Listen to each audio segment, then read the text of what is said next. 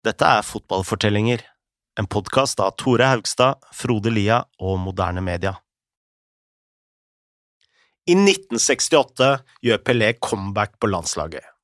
Han vil spille et helt VM uten skader, og han nekter å gi seg som en taper. Når Brasil drar til Mexico i 1970, er han igjen stjerne på laget. Hjemme i Brasil sitter generalene fra militærdiktaturet og smiler fra øre til øre.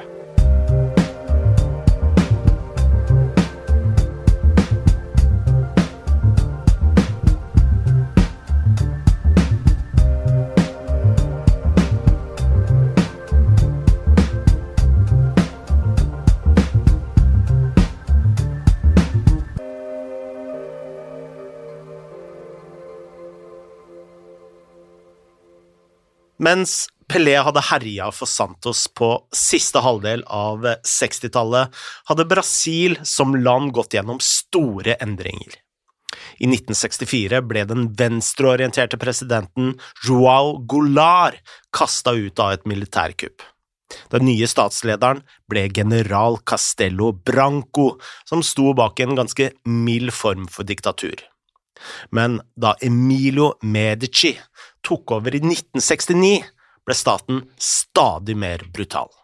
Under Medici kasta diktaturet kommunistene på dør, sensurerte pressen og stengte ned Kongressen. De torturerte alle fra politiske rivaler til lærere, studenter og fagforeningssjefer. Det var mye uro og kritikk blant artister, intellektuelle og andre venstreorienterte, eller bare folk som ikke likte denne volden, og det er mange paralleller her til Argentinas diktatur på slutten av 70-tallet. Medici trengte nå noe som kunne lede oppmerksomheten bort fra all volden og torturen, og han var selv en fotballfan, heia på Flamengo, og nå fikk han altså VM i Mexico og Pelés comeback servert på sølvfat. La oss høre mer fra Marius Lien. Det var i 19, rundt 1970-71-72 at det regimet var på sitt mest brutale. Hvor de fengsla flest folk, drepte flest folk. Det var ikke så ekstremt som i Argentina og Chile. Det var flere som døde der, men likevel så uh, var det ikke lov til å si noe. Liksom. Og uh, de trengte definitivt uh, et sterkt symbol som kunne fange, samle hele nasjonen. Kanskje særlig i 1970 nettopp fordi det var så strengt akkurat da. At regimet var såpass brutalt akkurat da. Pelé han var jo svart og kunne dermed få med seg den afrobrasilianske befolkningen. Samtidig så var han veldig glad i å henge med hvite eliten i Brasil, så han fikk med seg de også. Han var på en måte en perfekt figur for å dra sammen hele, hele landet. Og det prøvde de virkelig å, å bruke han til. Men militærregimet ville få veldig lite ut av VM om Brasil ikke presterte bra. Så nå var Medici avhengig av at treneren visste hva han dreiv med. Og denne treneren var ikke akkurat fan av regimet selv. Ruau Saldana hadde vært medlem av kommunistpartiet i sine yngre dager, og han var aldri noe stor spiller selv, og var mest kjent som en særdeles direkte og kritisk kommentator og journalist, før han plutselig ble ansatt som trener for Botafogo i 1957. Saldana vant umiddelbart denne statlige ligaen i Rio de Janeiro, før han gikk tilbake til sin rolle som kritiker. Det neste tiåret fortsatte Saldana å lange ut mot trenere, spillere og presidenter. Han var spesielt kritisk mot det brasilianske landslaget, som har vært et mareritt for Havelange og føderasjonen, og i 1969 så skjedde det helt utrolige. Havelange ga rett og slett landslagsjobben til Saldana, som om dette var den eneste måten å få han til å tie stille. Og her finnes det faktisk en teori om at Havelange ville stilne denne urolige pressen, og at han ville oppnå dette ved å ansette en av deres egne. Innen dette hadde Garincha lagt opp og dessverre blitt en ganske deprimert alkoholiker. Saldana fortalte spillerne rett ut hva han syntes om dem, altså rene, strake pucker. Han drakk konstant og røyka så mange pakker sigaretter i uka at en av lungene hans hadde slutta å fungere. Likevel fortalte han spillerne at han var mye bedre trent enn dem. Dette høres ut som en oppskrift på en tragedie, men Saldanas Brasil spilte fantastisk fotball. De dansa seg gjennom kvaliken med seks seire på seks kamper og skåra hele 23 mål. Men ettersom VM kom nærmere, så mista Saldana roen litt. På vinteren, et halvår før turneringa starta, så dro han ut på speidertur til Europa, hvor han innså hvor vanvittig fysisk sterke og aggressive disse europeiske favorittene var. Saldana husker også hvordan Brasil i praksis hadde blitt sparka ut av VM i 1966, og da han kom tilbake til Brasil, så var han overbevist om at laget måtte bli enda tøffere og mer fysisk. Dette tukla med den flotte fotballen Brasil allerede hadde spilt i kvaliken, og da de tapte 2-0 hjemme mot Argentina i mars, så sa Argentina-spilleren Roberto Perfumo at det var det verste Brasil-laget han noen gang hadde møtt. Nå ble Saldana stadig mer uforutsigbar. Han kritiserte Pelé for å ikke jobbe hardt nok, og sa offentlig at han vurderte å benke sin store stjerne. Saldana nektet også å bruke spissen Dario, som var en av favorittene til president Medici. Tre måneder før VM ble Saldana sparka av Havelange og erstatta med Mario Zagallo. Dermed fikk Saldana aldri høstet fruktene av arbeidet han hadde lagt ned. Det er jo eh, ganske anerkjent i Brasil at det, det er hans verk på et vis, det 70-laget. Eh, han som satte det sammen. Kjernen i det og hvordan de spilte og på et vis lagets ånd blir gjerne knytta til han. Det var jo Zagallo som var trener under selve VM. og Han kom inn bare noen få måneder før. Bl.a.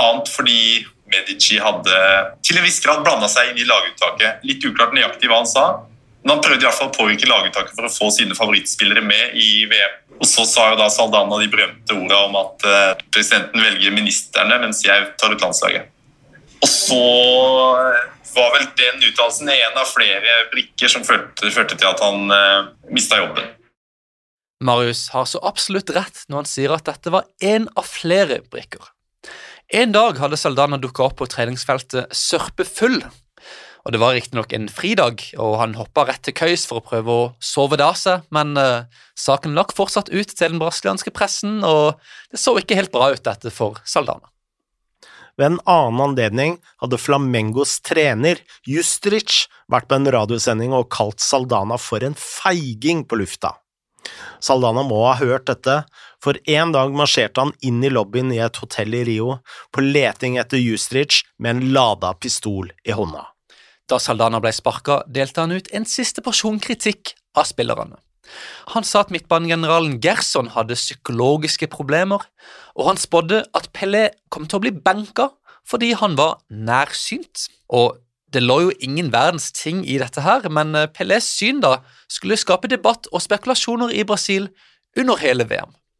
Pelé skulle senere skrøne at om han faktisk hadde sett bra, så hadde han skåra 2000 mål. Zagallo var helt i starten av sin trenerkarriere og ga laget stabilitet og ro. Sentralt brukte han Gerson sammen med ballvinneren Clodo Aldo. Foran dem spilte playmakeren Rivellino med den fine barten, og lynvingen Jarcinho, og på topp ikke minst Tostao og Pelé. Marius ga oss en liten gjennomgang av dette offensive arsenalet, og han begynte med Jarcinho. Uh, han var kanskje på topp, da, vært med lenge. Han var med i 66 også. Han tok jo over høyrevingplassen på uh, Dafogo etter Garincha, og veldig viktig spiller på landslaget da. Men så har du også Gerson, som spilte sentral midtbane, som var en sånn mastermind på, på banen. Litt som Didi 58, kanskje. Skikkelig sånn midtbanemaestro som serverte pasninger. Og så var det jo Tostao, som også spilte spiss. Det var en del diskusjoner om han burde få spille på laget, fordi han var liksom ikke spektakulær nok. Eh, men Saldana bare etablerte han som eh, den ideelle makkeren eh, for Pelé i angrepet. Han falt litt dypt. Litt sånn falsk nier kanskje da, uten at det begrepet ble brukt. Men en, en mer skapende spiller samtidig som han var angriper. Og så var det jo Rivelino, kjent for sine knallharde skudd, bl.a. Frisparkekspert. Og så hadde de også en, en midtbane skal kanskje ikke si Dunga, men uh, Clodoaldo, som spilte midtbane, var litt uh, den andre sjangeren uh, ut fra Jelson, som var en veldig sånn elegant type. Så var det en litt mer grovarbeider som het Clodoaldo. Carlos Alberto, som du nevnte, han var jo bekken og var kaptein. Og en av den eldre garde da, sammen med Pelé. og litt sånn sjefen på laget. I 1970 gikk Brasil også tilbake til de grundige forberedelsene som hadde fungert så bra i 1958 og 1962. De hadde fått designa en ny trøye som skulle fjerne svette kjappere fra kroppen. Spillerne hadde fått spesiallaga fotballsko. Og stallen var i Mexico i tre uker for å bli vant med heten og høyden.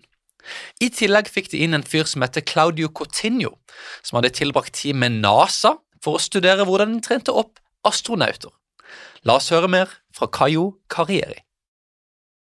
He was appointed uh, the fitness coach of the, the squad, and he had a very strict regime because he had a background as a military. They really did like a very thorough preparation and assessment of the team because they realized that some dental issues could lead to some muscle problems.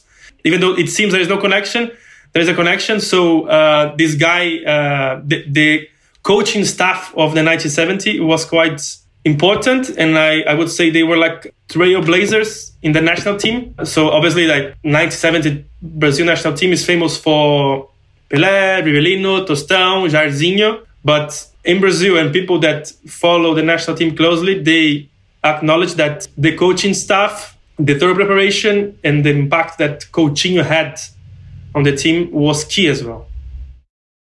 Brasil gikk ut i VM med 4-4-2, som ble til en 4-5-1 uten ball når Pelé trakk ned i midtbanen. I gruppen slo de Tsjekkoslovakia 4-1, England 1-0 og Romania 3-2. De spilte nydelig fotball og vant mange fotballhjerter, og Pelé var sentrum av alt. Men det ironiske for Pelé er at han ble mer kjent for målene han ikke scora, enn de han scora. Eksempel den berømte headinga ned i bakken som ble slått bort på utrolig vis av Gordon Banks. Mot Tsjekkoslovakia så Pelé også at keeperen sto langt ute, og han prøvde å skåre fra sin egen halvdel. Ingen hadde prøvd dette i 1970, og selv om ballen ikke gikk inn, så ble Pelé hylla som et geni, kun for å ha sett muligheten. Pelé var viktig for Brasil også utenfor banen, ifølge lagkameratene. Han var aldri kaptein fordi han visste at han hadde stor innflytelse uansett, og ved å gi bindet til en annen spiller ville laget få to ledere. I Mexico oppførte han seg alltid som en leder. I spoke recently with Edu, who was in the 1970 World Cup, and he said that Pele was probably the humble, humblest person he has ever met. Even though he was the best player, he said that Pele was the humblest uh, squad member in 1970, that he set an example, and everybody knew that if the main star was behaving like that, pushing everybody forward, why would other players be selfish? So Edu said that he, he set a standard by his personality, his way of uh, behaving in the behind the scenes, and how he conducted himself on and off the pitch from what I have heard from his teammates, he strikes me as a very humble person and very team driven person, very looking much more for the collective, for the, the group, rather than himself, even though he was the main star and he knew he was the main star. I kvartfinalen skulle Brasil møte Peru. Dette var en spesiell kamp for Pelé og Zagallo, for Peru ble trent av Didi. Det ble en ny underholdende kamp, som Brasil vant 4-2. Den neste kampen var ikke like enkel. Brasil møtte Uruguay, og det var for første gang i et VM siden 1950. Brasiliansk presse skrev side opp og side ned om spøkelsene fra 1950, om Maracanazo og hvordan Brasil skulle få revansj. Pelé var en av få som faktisk husket dagen da det skjedde, og hadde ikke noe imot all hypen. Men Zagallo fikk dekningen langt opp i halsen, og han blei så lei at han kasta en reporter ut av leiren. Uruguay spilte røft og tøft som alltid, og tok ledelsen via Luis Cubilla. Umiddelbart frykta folk i Brasil at en ny skrell lå i vente, men Brasil utligna før Sagallo ga laget en tordentale i pausen, kanskje fordi han visste hvor mye folk og presse kom til å prate om 1950 og Uruguay vant over Brasil igjen. Brasil gira opp, vant 3-1 og var klare for finalen. Mot Uruguay gjorde Pelé på nytt noe genialt. Han ble spilt gjennom alene med keeper, skrått fra venstre, og istedenfor å ta en touch, hoppa han rett og slett over ballen. Keeperen Ladislo Masurkovic ruset ut, og Pelé tok ballen igjen på andre siden og skulle bare sette den i nettet, men skjøt like utenfor. Selv om Pelé ikke skåra, hadde han igjen fortryllet verden med en dribling ingen hadde forventa. Når som Brasil var i finalen, kunne generalene smile. De visste at en seier ville gi dem en enorm PR-triumf. Og selv om mange av spillerne hadde sagt at diktaturet ikke påvirka de i løpet av VM, så var ikke akkurat generalene passive heller.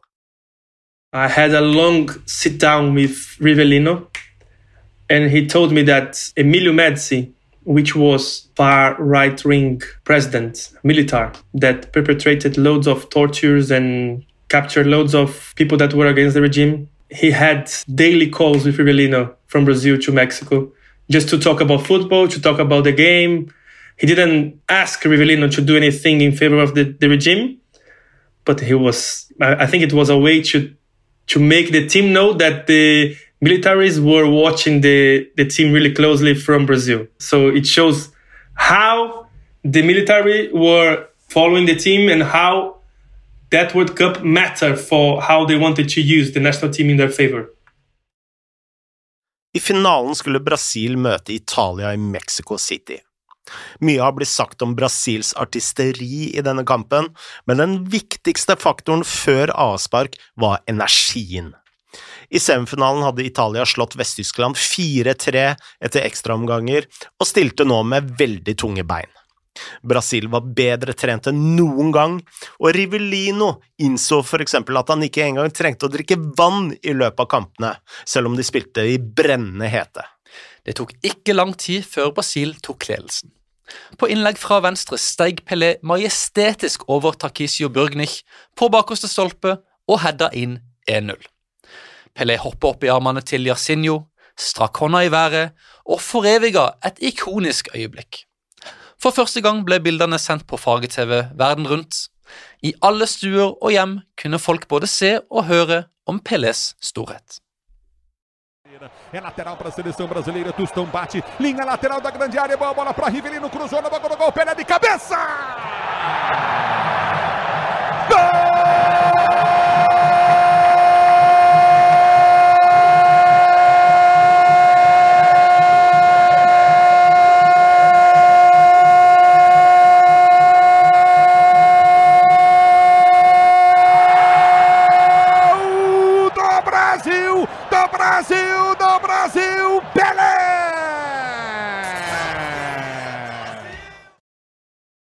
Men Italia slo tilbake. Roberto Boninsegna utligna, og da en time var spilt, sto det fortsatt 1-1. Så ble italienerne slitne, og Gerson skåra 2-1, Jarsinho la på til 3-1, og så kom dette majestetiske angrepet hvor Brasil rulla opp langs høyre, hvor Pelé nonchalant rulla ballen ut til Carlos Alberto, som styrta frem som et godstog og klinka ballen nede i hjørnet. Brasil vant 4-1 og var verdensmestere for tredje gang. Nå fikk Brasil beholde Jules Rimet-trofeet for godt, fordi de sto med tre titler. Carlos Alberto løfta pokalen, og Pelé ble gitt en meksikansk hatt og båret opp på gullstol. Da Pelé senere gikk inn i dusjen, så brøt en journalist seg inn i garderoben. Og denne journalisten var en av de som hadde spredd rykter om at Pelé var nærsynt. Han kom nå inn i garderoben, gikk inn i dusjen, fant Pelé, gikk ned på kne, søkkvåt, og ba Pelé om tilgivelse. Så fort laget kom hjem, gjorde regimet alt for å utnytte seieren. Medici inviterte spillerne til presidentpalasset i Brasilia og holdt en tale som prøvde desperat å knytte VM opp mot diktaturet. Medici sa at han identifiserte seieren med den økende tiltroen til regimets kamp for nasjonal utvikling. Regimet printa ut plakater med Pelé med slagordet Ingen kan stoppe dette landet nå! De produserte også en sang som ble spilt overalt. There is a famous uh, song famous jingle that the government requested to be made and became famous that they played on TVs and radios back then. Like I'm gonna sing, I give you the pleasure of my voice now. 90 milhões em ação, pra frente Brasil, salve a seleção. It's very nationalist, like 90 million people in action now, go Brazil, long live the national team. If you Google it, you're gonna find it. Tittelen på denne sangen er Pra frente Brasil, altså Fremover Brasil. Og så klart måtte vi google denne for å høre hvordan han var. 90 milhões em pra frente Brasil, do meu coração. Todos juntos vamos, pra frente Brasil, salve a seleção. Laget fra 1970 skulle bli huska som Brasils beste lag noensinne. Det er jo en evig pågående diskusjon om hvem som er best av eh, 70-laget og 58-laget. Jeg husker Zico en gang sa at 58-laget var liksom hans favoritt, uten at eh, jeg helt vet hvorfor. Men eh, det er, vel riktig å si at 70-laget er det som har aller høyest status, som henger aller høyest. Eh, Og det kan godt hende at det også i Brasil skyldes fargebildene er fantastiske fra det mesterskapet. Samme som det var for folk i Europa. Første gang så man VM i farger. Brasil så utrolig bra ut. De spilte fantastisk fotball. Og alt fins på Eller er i hvert fall mer tilgjengelig. Alt fins vel i 58 år, men eh, det var tidligere mer tilgjengelig. Det var flere som så det live i 1970. Så jeg tror nok at det laget henger i oss. så blir jo ansett som Pelés mesterverk, egentlig, i 1970. Fordi I 58 var han jo ikke med fra starten, de første to kampene. Han var også veldig ung. Det er ingen som er på toppen av karrieren når de er 17. Og I 62 ble han skada i den andre kampen. Det var Garinchas VM, egentlig. Men siden 1970 så var Brasil det fantastiske. Pelé spilte hele tida og fikk liksom vist, ja, vist at han var best fortsatt. Pelé hadde nå vunnet VM tre ganger. Han hadde blitt verdensmester med Santos to ganger, og han hadde skåret mer enn 1000 mål. Han hadde levert sitt mesterverk på farge-TV foran hele verden. De neste månedene planla Pelé å gi seg for godt.